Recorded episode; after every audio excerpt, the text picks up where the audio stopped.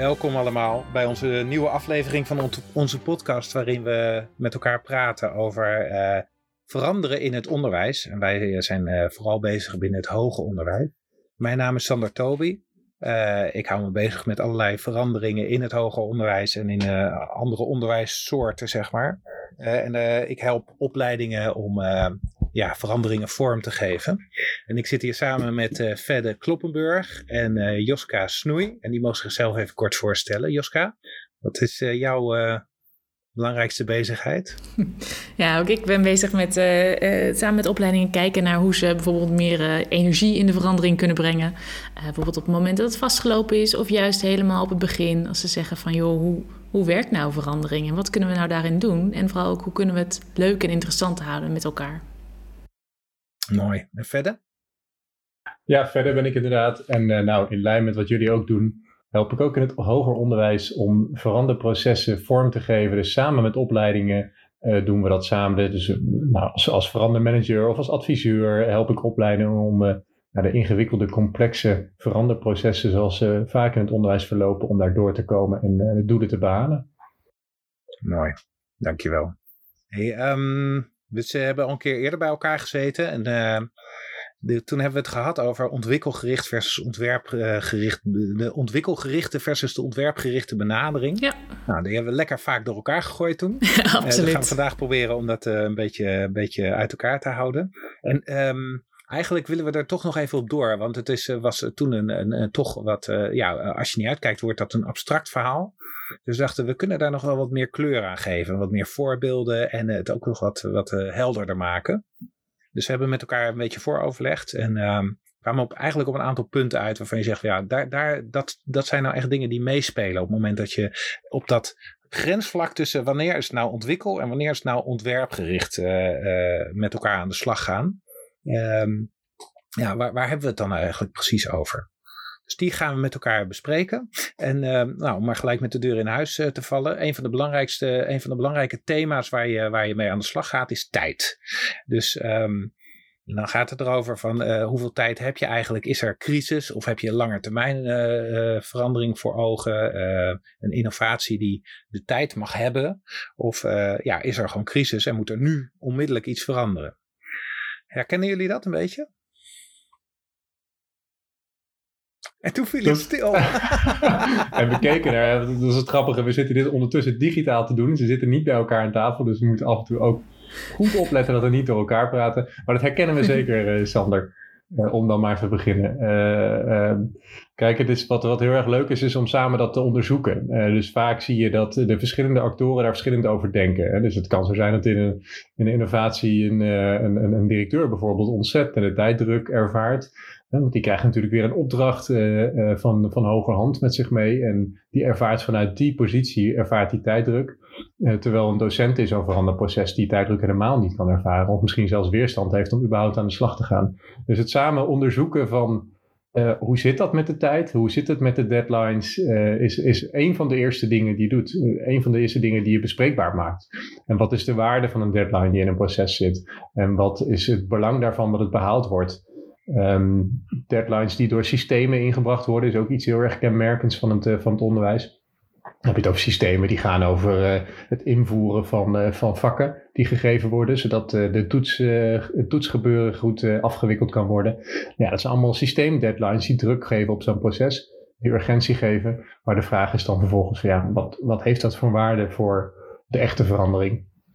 Ja, en ik zit nu, terwijl we dit, uh, ja, dit zitten vertellen, verder zit ik te, na te denken van volgens mij zou het goed, is het goed om nog heel even, het, uh, heel kort, het verschil tussen ontwikkel- en ontwerpgerichte uh, benadering kort toe te lichten. Omdat, ja, uh, anders moeten mensen nog een keer terugluisteren. Mag natuurlijk altijd. Maar uh, zou jou dat lukken, Joska, of niet? Ik ga mijn best doen. En dan hoop ik dat ik de termen weer niet door elkaar gooi. Maar je weet het nooit. Dat nee. was ik vooral, hè, die dat...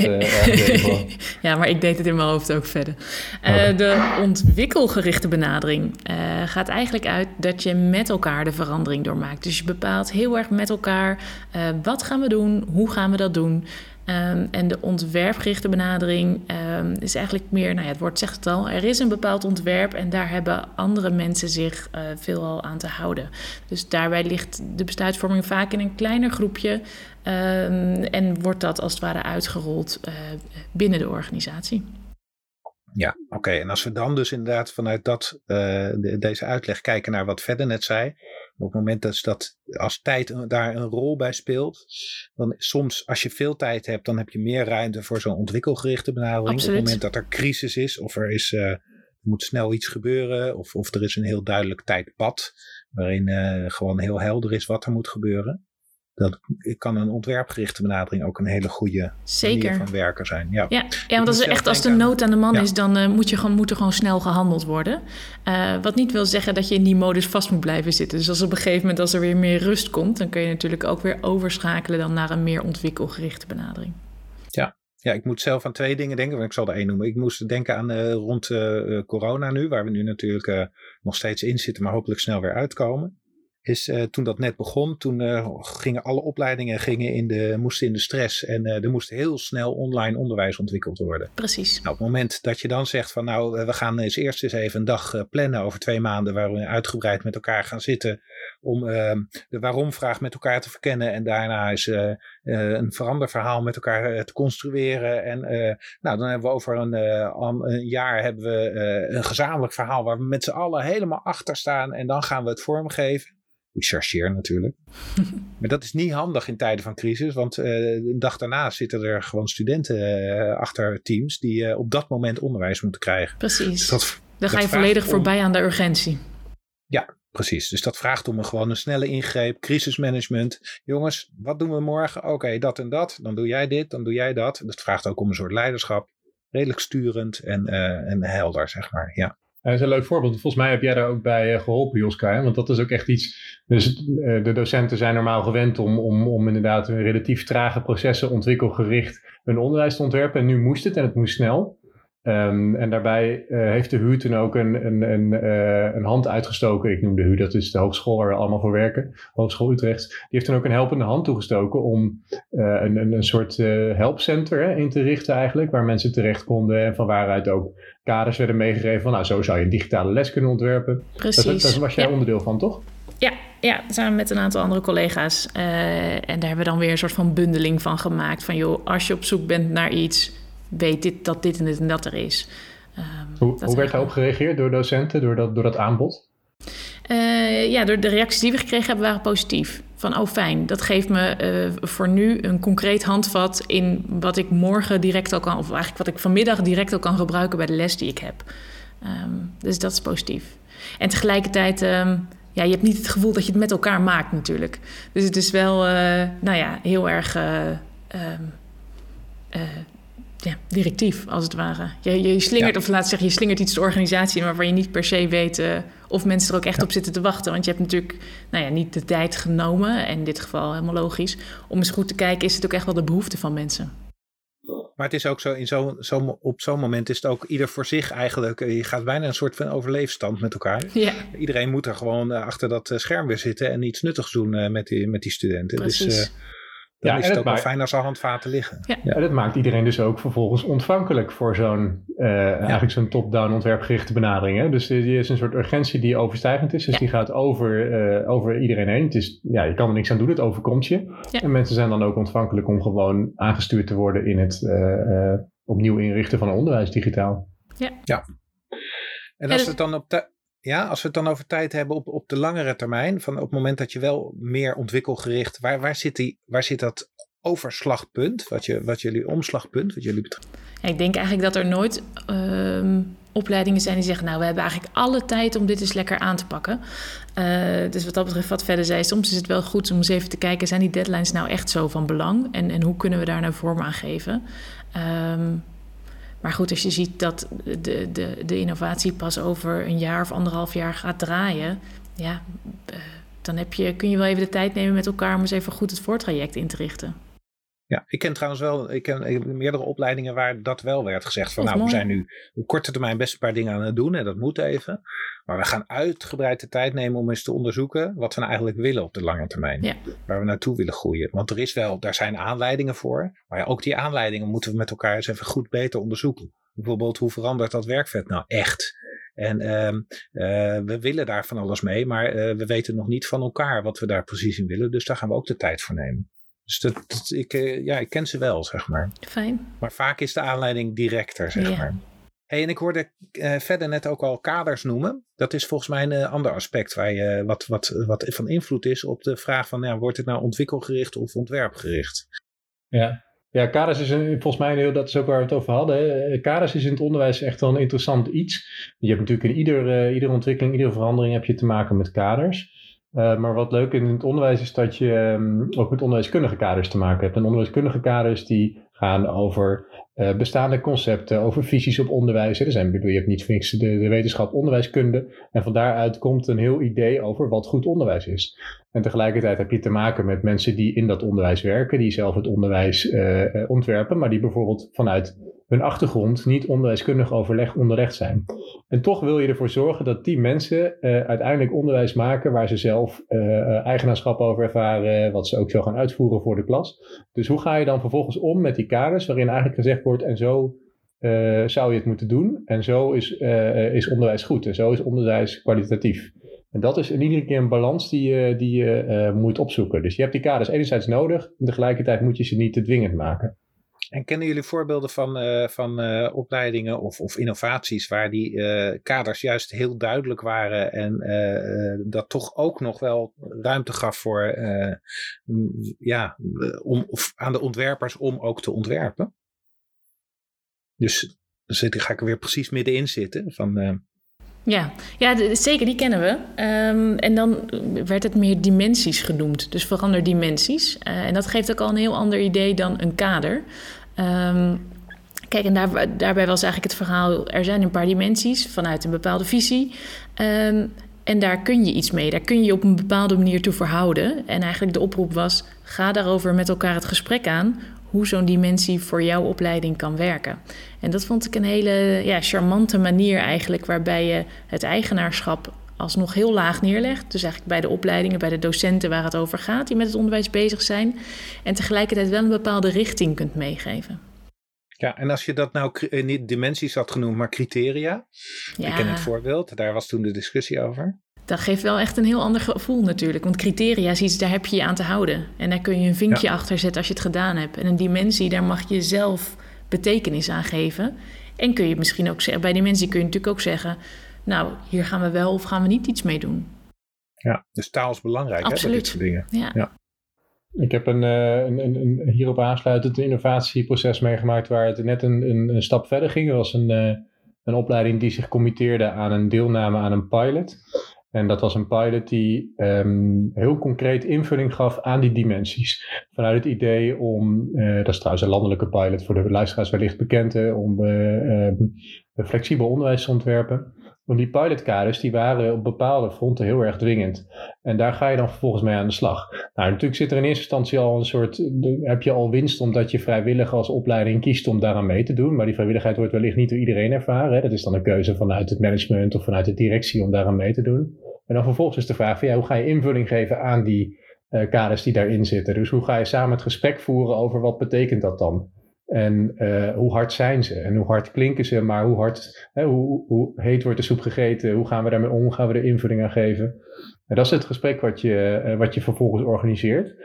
Ehm, en tegelijkertijd zijn er docenten die dat ook fijn vinden. Dat er een aantal ontwerpkaders zijn. Dus dat je meedoet aan zo'n pilot waarin gegeven wordt hoe je je stappen moet gaan zetten naar bijvoorbeeld een goede toets. Naar een leeruitkomst eh, of, een, of een toetscriterium.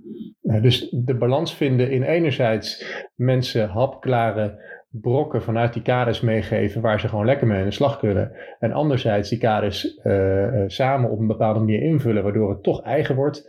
Dat is het, het gesprek wat je eigenlijk de hele tijd op studiedagen en daaromheen aan het voeren bent. Ja, ja, ja. Hey, en um, ik ga even door met de andere thema wat ik jou ook hoorde zeggen. Dat is uh, leiderschap. Uh, uh, hoe, hoe, hoe directief of hoe um, participatief, om maar even de twee uitersten te noemen. en, en, en hoe heeft dat invloed op innovatie? Ik? ja, wij zitten oh, ja, hier allebei geef, geef antwoord op die vraag, uh, ja. ja. ja, dat is waar.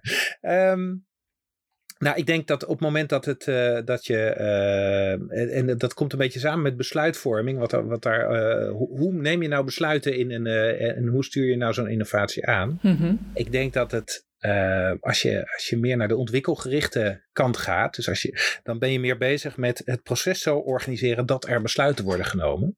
En dan is, bestaat leiderschap er ook meer uit dat je constant aan het nadenken bent over hoe komen we met elkaar tot bepaalde besluiten, bepaalde innovaties, bepaalde beslissingen met elkaar. Ja. En daar kan je behoorlijk leidend in zijn. Dus je kan leidend zijn in het proces vormgeven.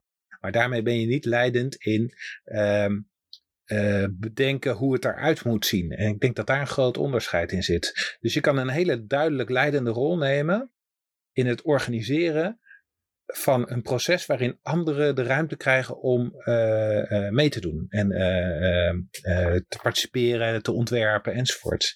Ja, dus meer mij... dan alleen het meedoen, hè? Dus dat je het echt met elkaar doet, in plaats ja. van dat ze mee mogen doen met de leider die het initieert. Ja, verder noemde in de voorbereiding uh, eigenaarschap organiseren. En daar kreeg ik gelijk een beetje hu van. maar eigenlijk is dat het. Uh, ja, en waarom krijg ik daar een, een, een naar gevoel van? Omdat ik denk van ja, dan, dan voelt het alsof het niet uh, echt is. Alsof je net doet alsof Precies. iemand leiders ja, eigenaarschap heeft. Mensen het gevoel geeft dat ze eigenaarschap hebben terwijl het niet ja. zo is. Ja, dat was een associatie die jij ermee had. Ja, ja, ja. En, maar, maar uiteindelijk waar het over gaat, wat jij natuurlijk bedoelde en wat het ook eigenlijk wel zegt, maar ik heb gewoon daar uh, ik ben daar gevoelig op, zeg maar, is uh, dat inderdaad dat, je, dat mensen ook echt uh, ja, eigenaar zijn, zeg maar. En dat is gek, want daar zit een soort paradox in met leiderschap. Hè. De, traditionele opvatting over leiderschap is dat je ja, de leiding neemt. Dus dan ook de richting aangeeft en de voorman bent. terwijl eigenlijk gaat het bij dit soort leiderschap gaat het veel meer over het mogelijk maken dat anderen ehm, eh, of dat je met elkaar iets vorm kunt geven. Ja, faciliterend ja. leiderschap eigenlijk. Dat is echt ja, participerend, faciliterend leiderschap. Ja. Wat, ik, wat ik wel mooi vind hierop aansluitend, uh, wat ik zelf ervaar bij uh, onder andere de innovatie waar ik net ook over sprak, die binnen die pilot um, uh, draaide, maar ook bij een andere waar ik op dit moment nog actief ben, is dat die rol van leiderschap dat die verandert naarmate dat eigenaarschap um, toeneemt. En tot nu toe is mijn ervaring dat dat telkens ongeveer 2,5 à 3 jaar is. Dus je begint, en dat, dat, dat is ook, hè, dus als je het hebt over tijd, mm -hmm. um, uh, dat begint uh, op een manier waarbij je heel duidelijk centraal um, in dat proces staat. Mensen ook voor de inhoudsvragen naar jou toe komen, die je dan vervolgens weer uh, ja, delegeert eigenlijk aan de deskundige. En dat je uh, uh, langzaam ziet dat naarmate het onderwijs een keer gedraaid heeft, naarmate mensen hun onderwijs ontwikkeld hebben, dat dat eigenaarschap begint te ontstaan en dat ze op een gegeven moment trots worden daarop. Dus dat ze denken van, hé, hey, maar dit is het onderwijs dat wij gemaakt hebben. We hebben daar een keer goede respons op gekregen. En dan langzaam verschuift de, de, uh, de vraag naar duidelijkheid bij de leider en het heel erg inzoomen op kleine deadlines die angstig zijn van, oh jongens, maar we moeten dan dingen af hebben. En mhm. geef ons duidelijkheid, wat moeten we doen? Want we hebben binnenkort een deadline vanuit het systeem. Uh, uh, die kleine accenten op eigenlijk details, die worden langzaam, worden, worden die steeds minder, die worden rustiger. En mensen gaan zelf stijgen ze naar de, naar de grote lijn toe en pakken het eigenaarschap over. En daarmee wordt je rol als, als, als leider wordt langzaam overbodig gemaakt. Ja, daar moet ja. je wel gevoelig voor zijn dan als leider. Dat moet je wel goed kunnen, uh, kunnen inzien. Wat is er nodig op welk moment? En ook af en toe misschien een beetje op je handen gaan zitten, denk ik. Ik heb daar zelf een mooi voorbeeld van meegemaakt. Dat we uh, op een gegeven moment een groepje binnen een ontwerp, uh, binnen een, een, heel team, uh, een besluit nam om het zo te ontwerpen als niet was afgesproken in, de, in, de hele, in het hele ontwerpproces.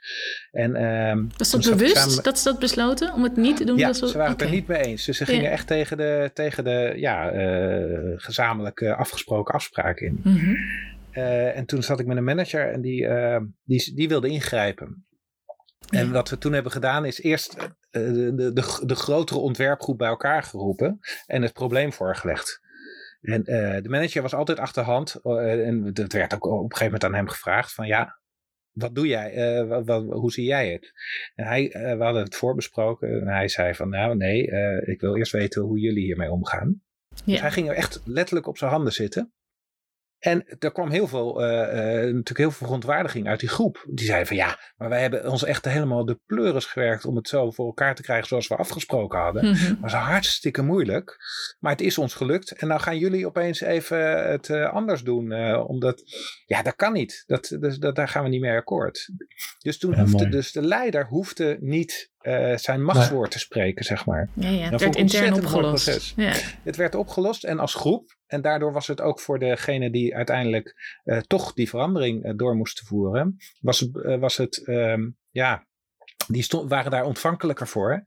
Dan als één manager een, een machtswoord had gesproken. Want dat, dan was dat altijd een bron geweest van, ja, we wilden het eigenlijk zo, dat was eigenlijk beter geweest, maar ja, nog niet. Ja, ja precies. Maar dan heb je dus georganiseerd uh, um, dat er niet alleen dat er eigenaarschap is ontstaan, maar ook dat er dus een gezamenlijk verhaal is. Ja, zit nu maar dat was heel precair, want... Ja, wat, ja ik zit toevallig nu eindelijk uh, uh, Sapiens te lezen. Die lag al, lag al lang op een nachtkastje. En daarin, jullie hebben hem vast al gelezen, maar daarin lag, lees ik dan dat um, het succes van de mensheid te danken is aan het kunnen maken van, van gezamenlijke verhalen. Ja. En uh, dus door taal kunnen wij verhalen maken mhm. samen die, uh, die fictief kunnen zijn. En hij zegt eigenlijk alles wat we samen doen is fictief, geld is fictief, alles, alles, is, alles is nep. Maar het gaat om het, omdat je samen een verhaal aan hebt waar je als groep aan verbindt. En dat is dan eigenlijk wat je doet. En dan wordt dus het groepsgevoel uh, wat ontstaat rondom het verhaal van het ondeskundige ontwerp wat je samen gemaakt hebt, wordt dus sterker dan een groepje wat daarvan af wil wijken. Ja, precies. Ja, mooi. Ja, en ik denk dat dat uiteindelijk de doel is, uh, ook bij een ontwikkelgerichte benadering, is dat je een gezamenlijk verhaal hebt waar je constant naar terug kan en wat steeds rijker wordt en wat zich steeds ja. verder uh, ontvouwt. En dan zit er nog één ding, wat, uh, dat is het laatste, dat is het verandervermogen, noem ik het maar. Het hangt er nogal vanaf of een team um, ja, heel veel inhoudelijke kennis heeft. Nou, inhoudelijk is meestal wel aanwezig, maar in, in ons geval onderwijskundige kennis. Zodat ze uh, ook de rijkwijde van het fantaseren over hoe het anders zou kunnen, zeg maar, mm-hmm. uh, um, uh, in, in, het team aanwezig hebben. En ik zie daar nog wel eens verschillen in. Ik zie teams waar dat heel veel is, waardoor je als veranderaar of veranderleider of degene die het proces begeleidt, uh, vooral de processen moet organiseren. En er zijn ook teams waarin je ja, toch, waar je eigenlijk meer aangesproken wordt als ontwerper zelf. Dus als ze zeggen, ja, we hebben jou nodig om ook uh, überhaupt de beelden met elkaar te kunnen verkennen van wat er mogelijk is. Uh, kennen jullie daar voorbeelden van? Ja, ik heb zelf uh, um, in een verandering waar ik bij betrokken was, samengewerkt met een onderwijskundige. En dan kon ik altijd, als er vragen kwamen over het ontwerp of welke kant of wat, zijn, wat is dan nu hot and happening in, in onderwijsinnovatieland of in, in, in onderwijskundeland, ehm, dat kon ik eigenlijk altijd bij, uh, bij haar neerleggen. En dat was eigenlijk heel prettig, want dan hoefde ik, daar zelf, hoefde ik me daar zelf niet in te mengen of daar zelf een kant in te kiezen. Uh, wat mij eigenlijk als het ware een soort van losmaakte van het. Ik had dan eigenlijk geen belang, zeg maar, waar het naartoe ging. Um, dus dat zorgde ervoor dat ik heel goed op het proces kon blijven zitten. En dat de onderwijskundige dan kon kijken van... oh hé, hey, dit is wellicht iets waar jullie wat aan hebben in het proces. Dus dat vond ik zelf wel heel prettig. Ja, dus daar is het heel duidelijk gescheiden, zeg maar. Dan heb je echt een ontwerper. Maar ja, die ontwerper die zal zich ook, als hij ontwikkelgericht werkt, dan zal zo'n ontwerper zich daar ook weer toe moeten verhouden. Dat hij niet zelf in zijn eentje fantastische ontwerpen gaat maken, wat het team vervolgens mag uitvoeren. Ja, dat was gelukkig niet het geval. Ja. nee, precies. Dus daar maar dat was meer inspirerend, ja. inderdaad, dan dat, het, uh, dan dat het voorschrijvend was. Uh, ja. En die stijl, ja, die bespreek je dan wel samen met elkaar. Ja. Ja, en wat, wat, wat, eh, wat ik hier belangrijk bij vind, is, hè, dus wat, wat, Joska zegt, dus positioneer in zo'n geval als je zelf die rol niet kan vervullen. Hè, want dat is natuurlijk de eerste vraag, van kan je daar zelf ook aan die vraag voldoen? Als je dat niet kan, wat, wat voor mij zelf vaak het geval was, kan je natuurlijk een, een deskundige inschakelen. En wat belangrijk is om het gesprek te voeren over van hoe ver wil je gaan in het doorvoeren dan vervolgens van ehm, het onderwijskundig concept wat je voor ogen hebt. dus je zegt van nou oké, we willen hier naartoe werken. We bijvoorbeeld werken met een bepaald onderwijskundig model. In optima forma, zoals die in de literatuur beschreven is, um, uh, is het, uh, zou je het moeten uitvoeren op uh, manier zus en manier zo. Maar kan dat team wel, dat wel aan? Kunnen ze die, ja. die en als je die mensen niet in dat team aanwezig hebt, dus wat, wat jij bedoelt, hè, Sander, dus de, ja, onderwijskundige taakvolwassenheid die, die verschilt heel erg per team. Um, dan zou je dus kunnen zeggen van oké, we gaan naar een soort afgezwakte variant uh, van, het, uh, van het onderwijskundig concept. En daar beginnen we mee. En daarmee is het dus heel belangrijk volgens mij om transparant te maken in zo'n proces dat je uh, samen accepteert um, dat het niet meteen de onderwijskundige hoofdprijs verdient. En dat dat oké okay is, dat dat goed is. Dat je, dat je een 6 of een 7 accepteert en dat je juist vervolgens door het, het eigenaarschap dat ontstaat um, hoopt op uh, kwaliteit die alsnog komt, maar dan um, echt vanuit het team zelf, dat ze hem zelf gaan maken. Dus dat er wordt doorontwikkeld bedoel je verder? Ja, dat er doorontwikkeld wordt en dat dan alsnog die kwaliteit ontstaat en dat kan dan een paar jaar duren. Ja. Maar dan is het wel zeg maar authentiekere kwaliteit die dan ontstaat. Ja. Ontstaan uit de ervaringen van mensen. Ja. Ja. Ik heb zelf wel meegemaakt dat ik echt wel daar echt zelf op mijn handen moest zitten. Omdat ik mijn eigen neiging om echt te denken van ja, maar het moet toch zo, dan is het echt goed. Mhm. Dus niet zo snel tevreden zijn met, met wat er dan wel bereikt wordt. Ja. dat, dat is wel af en toe een lastige opgave. Omdat je soms ook voorbeelden hebt waar, uh, van hoe mooi het kan zijn, zeg maar.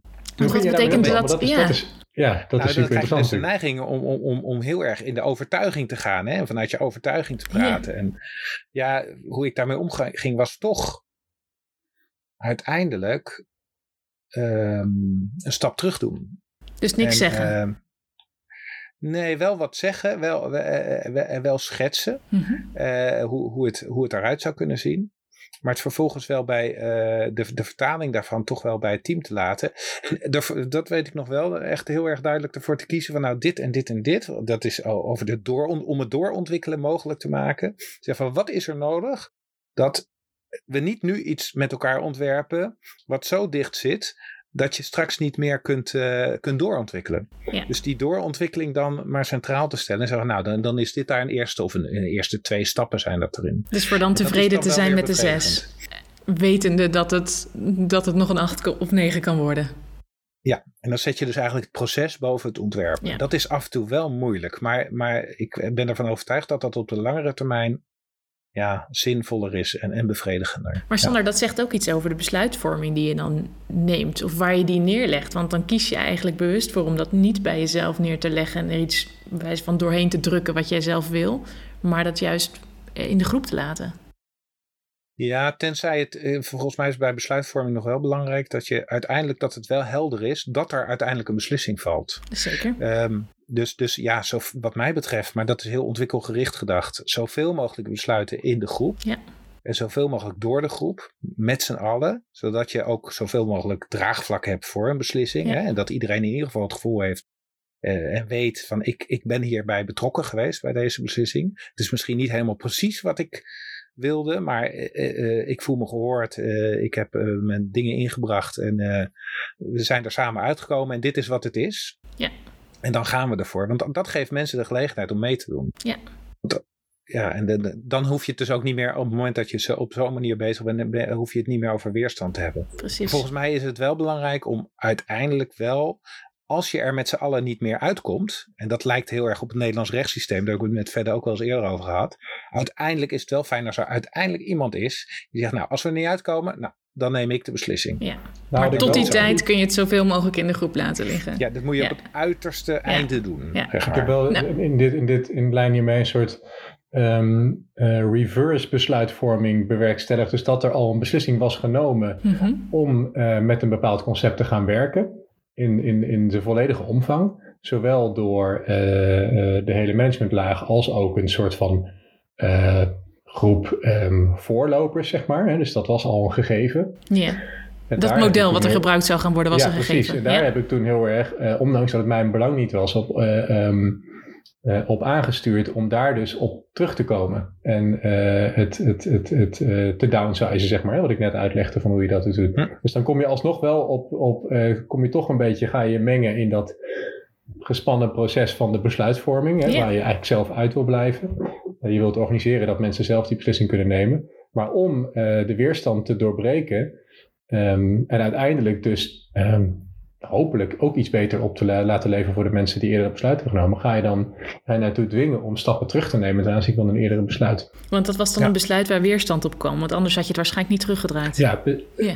ja precies. Nou ja, dat is wat ik, wat ik net vertelde. Dus om dus met een, eigenlijk een afgezwakte versie van zijn concept te gaan werken, om er zelf voor te zorgen dat je wel uh, um, het, het, grootste deel van de weerstand Maar eigenlijk herdefinieer je daarmee het besluitvormingsproces. Ja, ja, zo, ja. dat is eigenlijk een betere uitleg. Ja.